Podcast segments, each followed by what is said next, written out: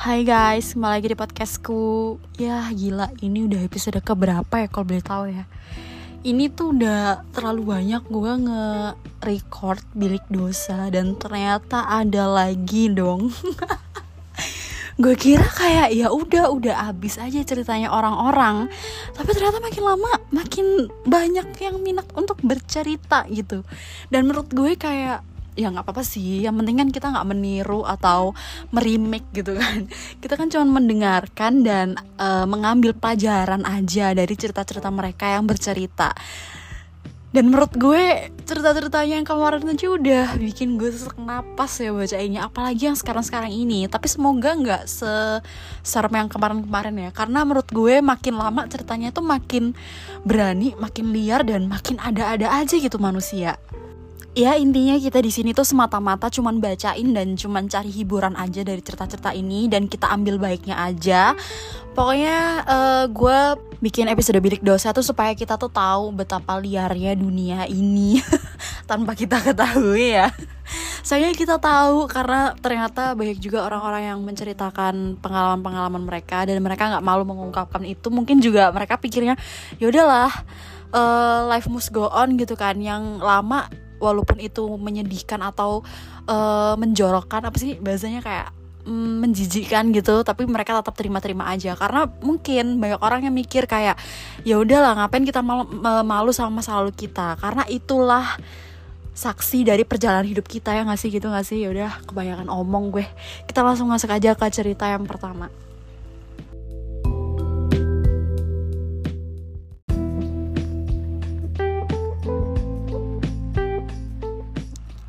Hai, jadi aku cowok.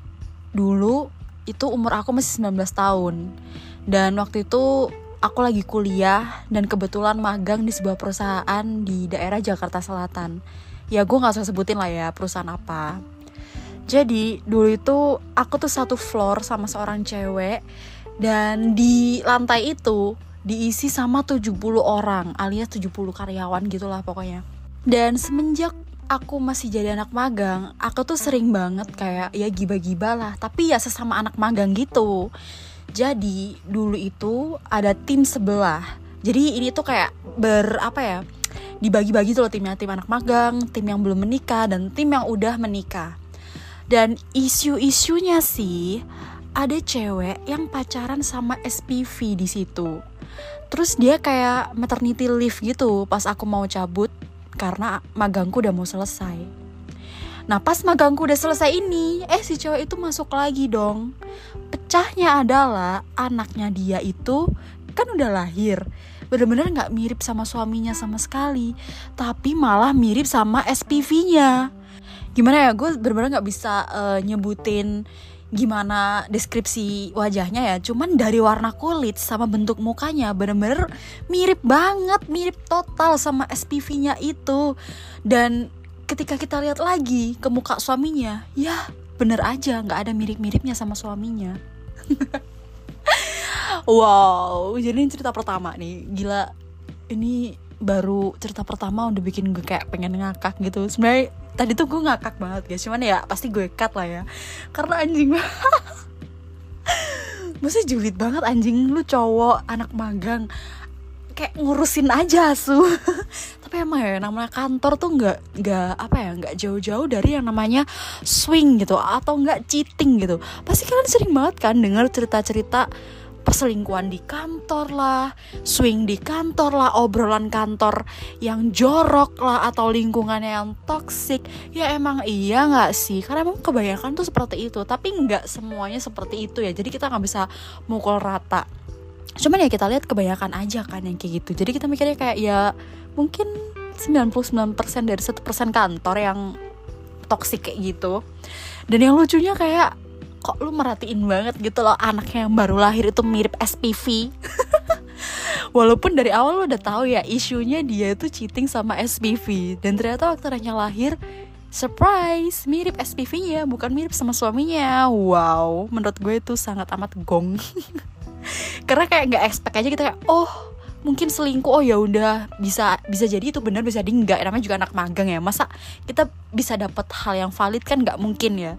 Karena kan kita nggak nggak mungkin lah diceritain sedetail itu kan sama orang-orang sana. Terus eh kita lihat sendiri buktinya ya. Jelas kita langsung percaya nggak sih? Kayak gila banget.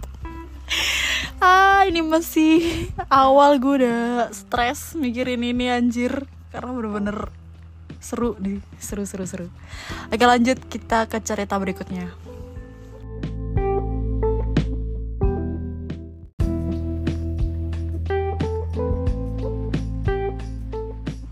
Hai kak, aku mau ikutan juga dong bilik dosa. Jadi aku adalah cowok, umur 22 tahun. Tinggi badan 179 cm dan berat badan 83 kg.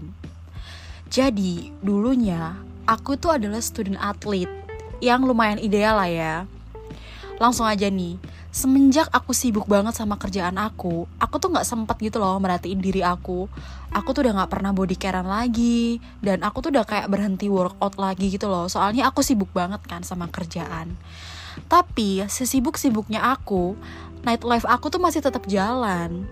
Nah, pas itu aku tuh baru kenalan sama salah satu cewek di suatu circle gitu lah. Nah kita tuh ketemunya kayak emang divisi dia itu ada urusan lah sama divisi aku. Nah begitu selesai lah semuanya ini, dia tuh kayak ngajak celebrate gitu loh, tapi bareng-bareng nih ya sama divisi dia. Oke, akhirnya setelah itu dia tuh kayak ngajak aku ke salah satu bar yang ada di Jaksel. Kayaknya dia kebanyakan minum deh. Terus dia kayak mepet-mepet aku gitu loh. Nah yang namanya cowok udah pasti kepancing dong. Terus akhirnya ya kalian tahu sendiri lah Kita booking hotel dan kita begituan lah ya. Pas paginya kita kan lagi kadel nih. Udah pasti kita pengennya kayak morning sex gitu ya. Nah pas kita lagi mau main Tiba-tiba dia tuh kayak nggak mood gitu loh. Terus kayak aku bingung banget kenapa. Dan pas aku ke kamar mandi pas buka celana emang kok agak bau ya? Apa mungkin semalam mabok terus jadi nggak ngeh aja gue? Kira-kira ada solusi nggak ya buat permasalahan aku? Thank you kak. Oh my god so disgusting. Ew. Jijik banget anjing. Kalau emang kemarin malam lu tuh begituan sama dia ya jelas aja dia mabuk jadi dia nggak ngerasain apa-apa atau nggak nggak notice lah sama bau-bau yang ada di selangkangan lo itu. Terus ketika pagi ketika udah pada sober gitu kan udah pada mau sadar gitu kan walaupun masih bukonde baru dong hidung tetap bisa nyium bau-bau yang tidak sedap. Tapi ya nggak tahu ya maksudnya gue kira kayak kebanyakan eh, hal-hal seperti ini kan terjadi di cewek aja nih ternyata di cowok juga ya. Soalnya ya gue nggak pernah menemukan hal kayak gini sih maksudnya belum ada yang cerita atau ada cerita. Baru ini aja gue denger ternyata cowok juga ada permasalahan seperti itu juga. Tapi entah apa yang bikin hal itu terjadi. Kalau cewek kan udah jelas kenapa hal itu bisa terjadi. Kalau cowok gue bingung apa kenapa gitu apa nggak pernah dicuci atau apa kan nggak mungkin. Kita kan tiap hari mandi ya. Kalau sampai uh, terjadi seperti itu atau bau gitu kan gue nggak tahu itu datangnya dari mana kan. Kalau misalkan body carean lu masa body care sampai ke kenti kenti lu sih? Kan enggak kan? Jadi kayak apa yang menyebabkan itu smell so bad? Kan nggak tahu gitu loh. Kok gue kayak sok jaksel banget gitu sih nggak tahu deh. Itu loh gue uh, keponya itu itu ya nggak tahu juga sih. Gue juga nggak tahu cara uh, apa namanya ngasih tahu. Masih kayak dia kan nanya any solution? Nggak tahu. Mending ah oh, siapa tahu ya itu kayak jamur atau enggak kayak penyakit lain yang mungkin terjadi. Karena lu juga lanjut kan night life-nya walaupun lu nggak workout walaupun lu nggak body carean tapi kan lu night life ya. Kita kan nggak tahu kan ya night life-nya dia tuh seperti apa. Bisa aja lu gonta-ganti atau beli-beli kan BO-BO kan nggak tahu nah siapa tahu dari situ tercium bau-bau yang tidak sedap karena suka ganti-ganti pasangan atau mungkin mainnya tidak safety atau tidak uh, apa higienis gitu ya. Nggak tahu lagi lah. Intinya kita lanjut aja deh daripada gue pusing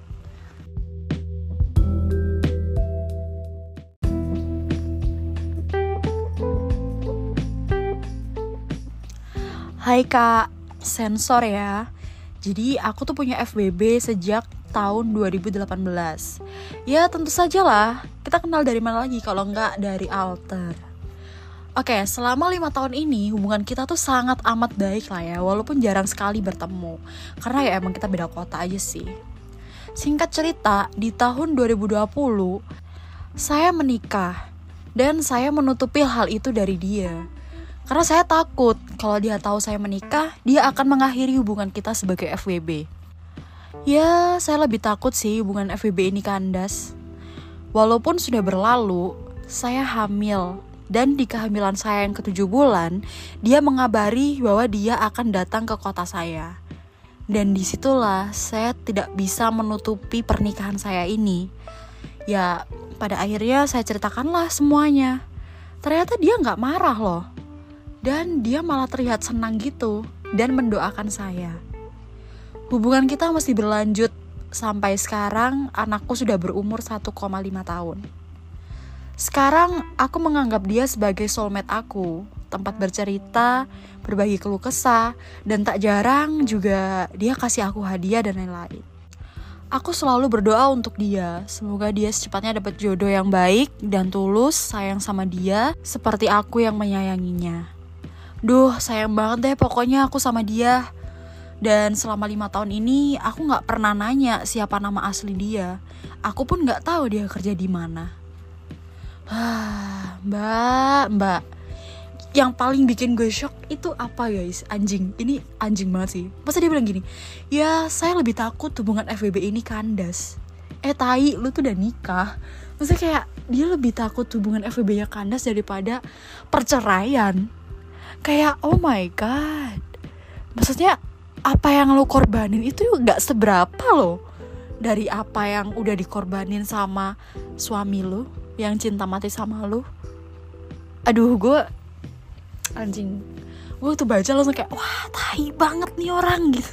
Kok bisa dia malah belain FBB-nya masa cinta mati sama FBB-nya gitu. Malah lebih takut hubungan FBB-nya tuh kandas. Otak lu di mana anjing wah wah gila gue nggak tahu lagi ya. Maksudnya kok ada orang yang berpikiran pendek seperti itu sembuh pendek seperti itu kayak gila ini ada loh orang yang cinta sama lu 100% bahkan dia tanggung jawab loh sama lu lu dinikahin. Maksudnya bukan tanggung jawab seperti apa ya. Maksudnya dia berani mencintai dan dia berani uh, apa ya namanya menikahi lu lah intinya seperti itu kan ini malah dia milih orang yang udah udah yang pasti dia nggak akan mungkin tanggung bisa tanggung jawab. Dia nggak akan mungkin bisa menafkahi. Mencintai pun lu kan nggak tahu dia mencintai lo apa enggak ya kan? Itu nggak uh, tahu lagi sih lu anjing sih mbak. Serius deh. Tapi ya, ya udahlah. Kalau misalkan sekarang udah nggak ngapa-ngapain ya intinya kan dia tadi bilang cuma soulmate ya tapi nggak ada yang namanya soulmate itu apalagi di dalam hubungan pernikahan yang soulmate itu namanya udah cheating sih menurut gue ya udah good luck nih mbak untuk kehidupan lu selanjutnya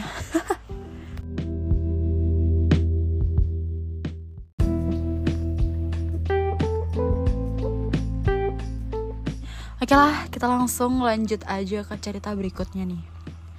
Kak, aku mau cerita nih. Ini tentang masa lalu aku. Masa lalu sebelum aku menikah.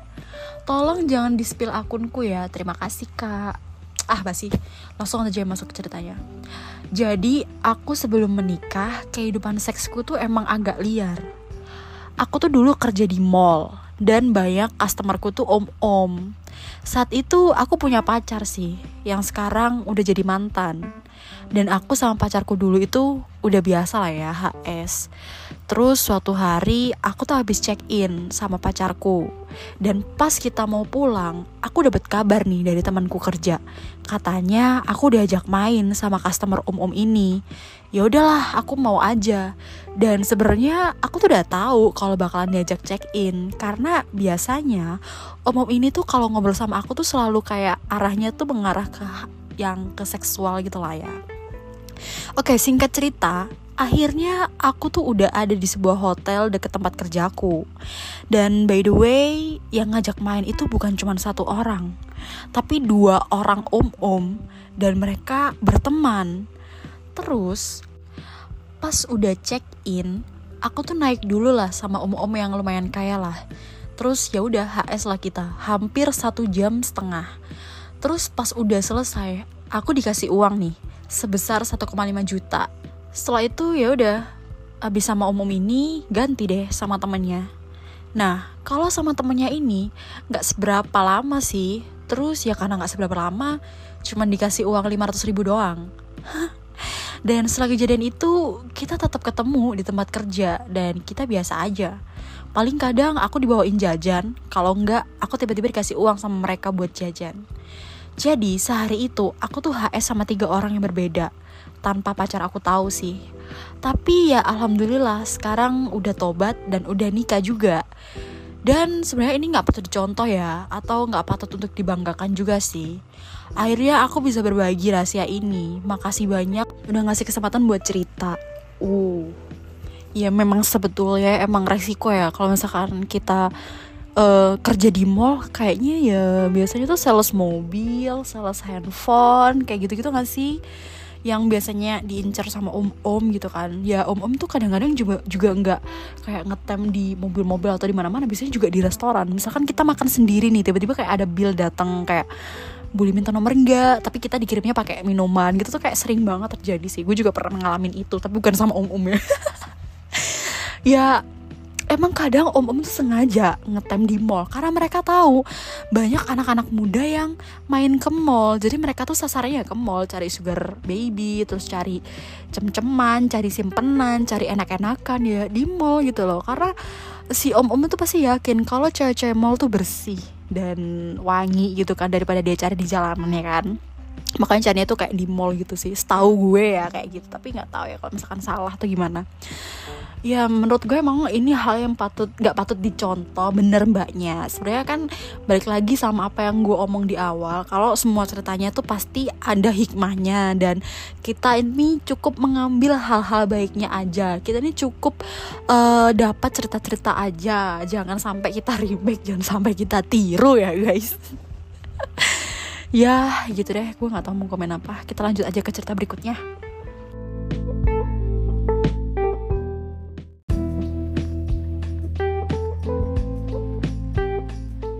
Oke, ini cerita terakhir. Ah, sedih ya. Gue tahu banget nih kalian suka banget kan cerita-cerita kayak gini. Ya udah kalau misalnya kalian masih kangen, masih pengen episode ini panjang, kalian dengerin aja episode-episode sebelumnya. Kalau enggak, jangan cari yang bilik dosa. Banyak banget kok konten-konten gue yang nyeritain hal begini, cuman judulnya bukan bilik dosa. Pokoknya kalian cari aja lah. Banyak kok.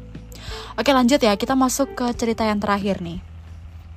Sebelumnya sorry banget nih, aku cerita pakai second akun aku tuh jadi ingat kejadian sekitar 2 tahun lalu pas awal pandemi. Jadi gue tuh ngekos deket kantor di kota T. Kosan gue ini di lantai 2. Jadi di lantai satunya ini rumah yang punya kosan gitu. Suami istri umur kayak 50-an gitulah. Yang anak-anaknya tuh udah pada pisah rumah. Kayaknya anak-anaknya udah pada menikah gitu deh. Nah, pas lagi pandemi itu, gue tuh sering banget WFH dan ya udah jadi sering aja di kos sementara si bapak kos itu dalam seminggu kadang-kadang WFO setiap pagi kalau gue lagi jemur baju ibu kos tuh sering banget naik ke atas karena anak kos lain tuh lagi pada pulang kampung jadinya dia tuh sering ngobrol lah sama gue Oke, okay, segala macam kita curhatin lah tuh. Si ibu ini tipe-tipe yang kayak humble dan sering curhat gitu lah. Yaudah, tipe-tipe ibu-ibu biasa gitu lah.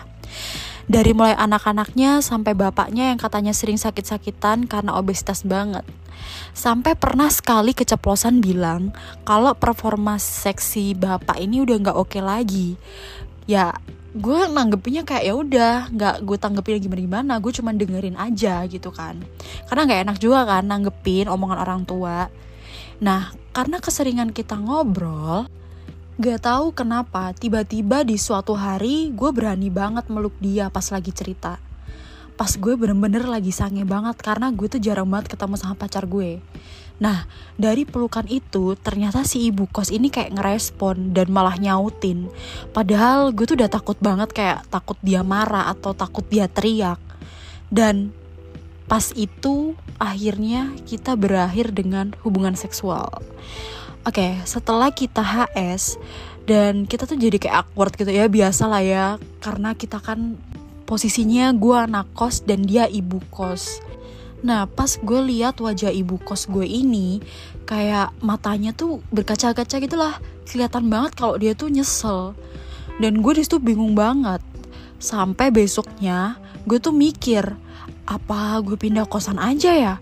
Karena takut juga sih kalau sampai ketahuan ya kan Eh ternyata seminggu kemudian si ibu kos tuh udah biasa lagi, udah nggak awkward lagi lah. Dia ya tetap curhat dan lain-lain. Karena gue lihat dia udah oke okay lah, maksudnya kayak ya udah biasa aja gitu. Ya karena dia kelihatan oke-oke aja, akhirnya gue coba lah tuh bahas kejadian HS waktu itu. Dan ternyata si ibu tuh bilang awalnya dia nyesel, tapi malah keinget-inget terus. Ya udah, akhirnya gue ajak dia lagi. Dan surprisingly si ibunya mau. Setelah itu gue lumayan sering lah tuh HS pokoknya kalau kosan lagi sepi atau si bapak WFO ya kita ngelakuin hal itulah intinya. Dan by the way si ibu ini umurnya kayak masih 52 tahunan lah. Bener-bener beda 25 tahun sama gue. Ya udah gitu aja min. Sorry ceritanya panjang. Wah tai banget nih gue kira kayak dari awal dia tuh cewek eh ternyata dia tuh cowok anjing. Kayak gue kira dia ngobrol sama ibu kos tuh kayak ya udah kayak pergi bahan ciwi-ciwi gitu. Eh ternyata dia cowok fuck dan dia ngajak main ibu kosnya. Maksudnya gini loh anjing ibu kosnya kan curhat ya. Terus tiba-tiba lu peluk kayak apa banget sih? Tapi tapi emang ya misalnya awalnya gue tuh bener-bener nggak percaya sama yang namanya uh, spontaneous sex gitu kan kalian udah pernah dengar gak sih spontaneous sex? Sebenarnya ini gue gue pernah bahas di episode sebelumnya. Kalian cari aja lah ya. Dan itu tuh pokoknya kayak seks yang tiba-tiba gitu. Seks yang spontan gitu. Tanpa ada aba-aba tanpa melihat situasi. Awalnya gue sangat amat gak percaya karena anjing mana mungkin sih ibu kos sama anak kos? Ah mana mungkin sih om-om sama orang random? Mana mungkin sih bapak berhijab sama mas-mas? Kayak nggak nggak bisa gue pikirin gitu nggak nggak masuk ke logika gue gitu. Tapi ternyata ketika gue udah banyak dapat cerita dari orang-orang ini gue jadi ngerasa hal itu ternyata bisa terjadi ya di mana pun dan kapan pun. Walaupun beda banget atau jauh banget ini ya maksudnya kontemplasinya tuh jauh banget. Antara mungkin masih sama dosen ya kayak ah nggak mungkin lah gila. Guru sama murid kayak ah nggak mungkin. Tapi ternyata banyak dan mungkin banget. Itu tuh yang bikin gue kayak ya ini tuh mungkin aja. Jadi sekarang lo tuh harus percaya kalau spontaneous sex itu ada gitu. Anjing gue kayak ah makin banyak yang gue denger makin mual gue rasanya. Karena hal-hal yang menurut gue kayak itu nggak mungkin tuh mungkin ternyata anjrit. Jadi gue kayak capek sendiri dengan oh ternyata ada bro walaupun dengan hal-hal yang nggak masuk akal kayak ya cuman ibunya cuman cerita tiba-tiba dirangkul terus tiba-tiba berlanjut ke ranjang gitu kan kayak hal yang ah mana mungkin sih? Tapi ternyata ya mungkin mungkin aja kan. Banyak juga kan cerita kayak gitu. Ya ternyata itu bisa terjadi dan ternyata koneksi uh, apa namanya ketika kita turn on itu tuh juga akan nyambung ke pasangan lawan main kita. Itu akan terkoneksi juga. Nggak tahu ya itu dari pakar atau apa yang ngomongnya. Pokoknya kalau misalkan kita turn on itu tuh pasti di atas kepala kita tuh ada tanda merah gitu loh. Maksudnya kayak ini ibaratnya ya. Jadi sinyal itu akan menyalur ke lawan bicara kita atau orang yang ada di depan kita. Jadi dia juga akan merasakan sinyal itu dari kita. Jadi kebanyakan dari mereka tuh mau dan akhirnya menyesal ya karena itu tadi. Sinyalnya yang mengarahkan dia bukan diri dia sendiri. Maksudnya bukan diri dia sendiri maksudnya bukan dari kesadaran dia sendiri tapi dari sinyal tersebut yang bikin dia itu mau gitu. Makanya kebanyakan orang yang setelah spontaneous sex itu merasa menyesal atau shock atau gimana gitu emang wajar. Karena yang menariknya itu sinyal tersebut. Gitu sih aduh pinter banget gue nih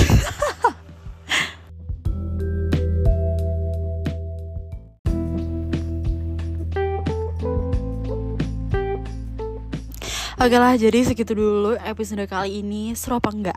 Menurut gue sih seru-seru aja ya, karena beberapa cerita yang gue bacaan ini uh, lumayan apa ya? Banyak banget yang bisa kita pelajarin ya, entah dari ibu kos ini atau dari yang suami istri tadi yang lebih milih FBB kayak tolol gitu kebanyakan sih kebanyakan tololnya ya Nah makanya dari itu pelajaran bisa kita ambil adalah kita jangan tolol seperti mereka. Kita harus punya pikiran terbuka. Jangan pikiran kita tuh hanya seks, seks, seks, seks, seks, seks, seks.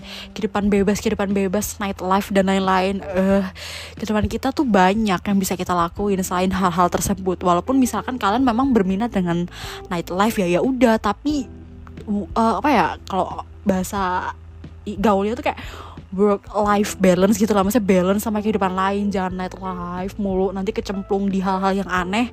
Marah. Marah sama Tuhan. Padahal Tuhan tuh nggak pernah ngajarin kita untuk jatuh ke lubang seperti itu ya kan. Ya udahlah. Daripada gue malah ceramah ya. Karena gue juga bukan orang pinter. Kita akhiri aja episode kali ini. Semoga menghibur ya. Thank you banget yang udah dengerin. See you next episode. Bye bye